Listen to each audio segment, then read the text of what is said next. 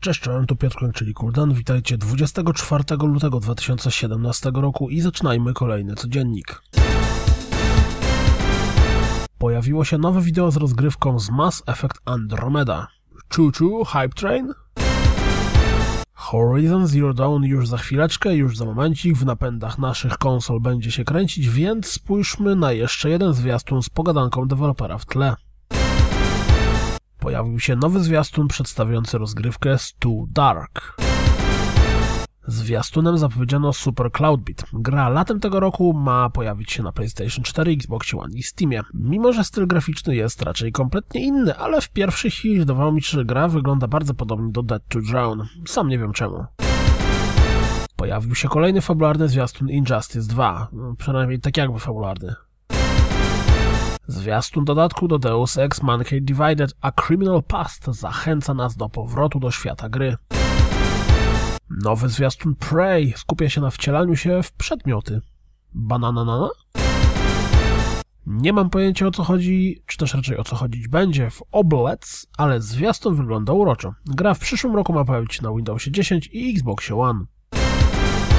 Ruiner latem pojawi się nie tylko na PC, ale również na Xbox One i PlayStation 4. Czekacie? W LEGO City Undercover zagramy na PlayStation 4, Xbox One i PC już 7 kwietnia. Telewizyjna reklamówka Tom Clancy's Ghost Recon Wildlands wygląda następująco. Mi się podoba. Gracie w betę? Twórcy Towerfall zaprezentowali Celeste. Tytuł pojawi się na Steamie, PlayStation 4 i Nintendo Switchu.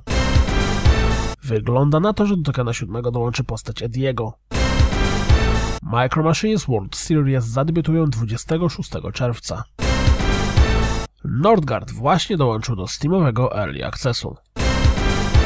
W trakcie grania w nową Zeldę w trybie przenośnym bateria Switcha wytrzyma około 2,5 godziny. Na szczęście tuż przed wyłączeniem się automatycznie zapisze stan naszej rozgrywki. Pojawił się pierwszy plakat związany z Netflixowym serialem oparty o Castlevanię. Ładne? Gdybyście jeszcze nie wiedzieli, to w Mass Effect Andromeda wystąpi Natalia Dormer. Jeśli dalej nie jesteście pewni, czy powinniście zainteresować się Night in the Woods, to zerknijcie na pierwsze 23 minuty z gry. Here They Lie otrzymał patch polepszający działanie gry na PlayStation 4 Pro oraz możliwość zagrania bez PlayStation VR. To wszystko na dziś. Jak zawsze dziękuję za słuchanie. Jak zawsze zapraszam na www.rozgrywkapodcast.pl. Jeśli lubicie codzienniki, wesprzyjcie mnie na Patronite i mam nadzieję słyszymy się w poniedziałek. Trzymajcie się, miłego weekendu. Cześć!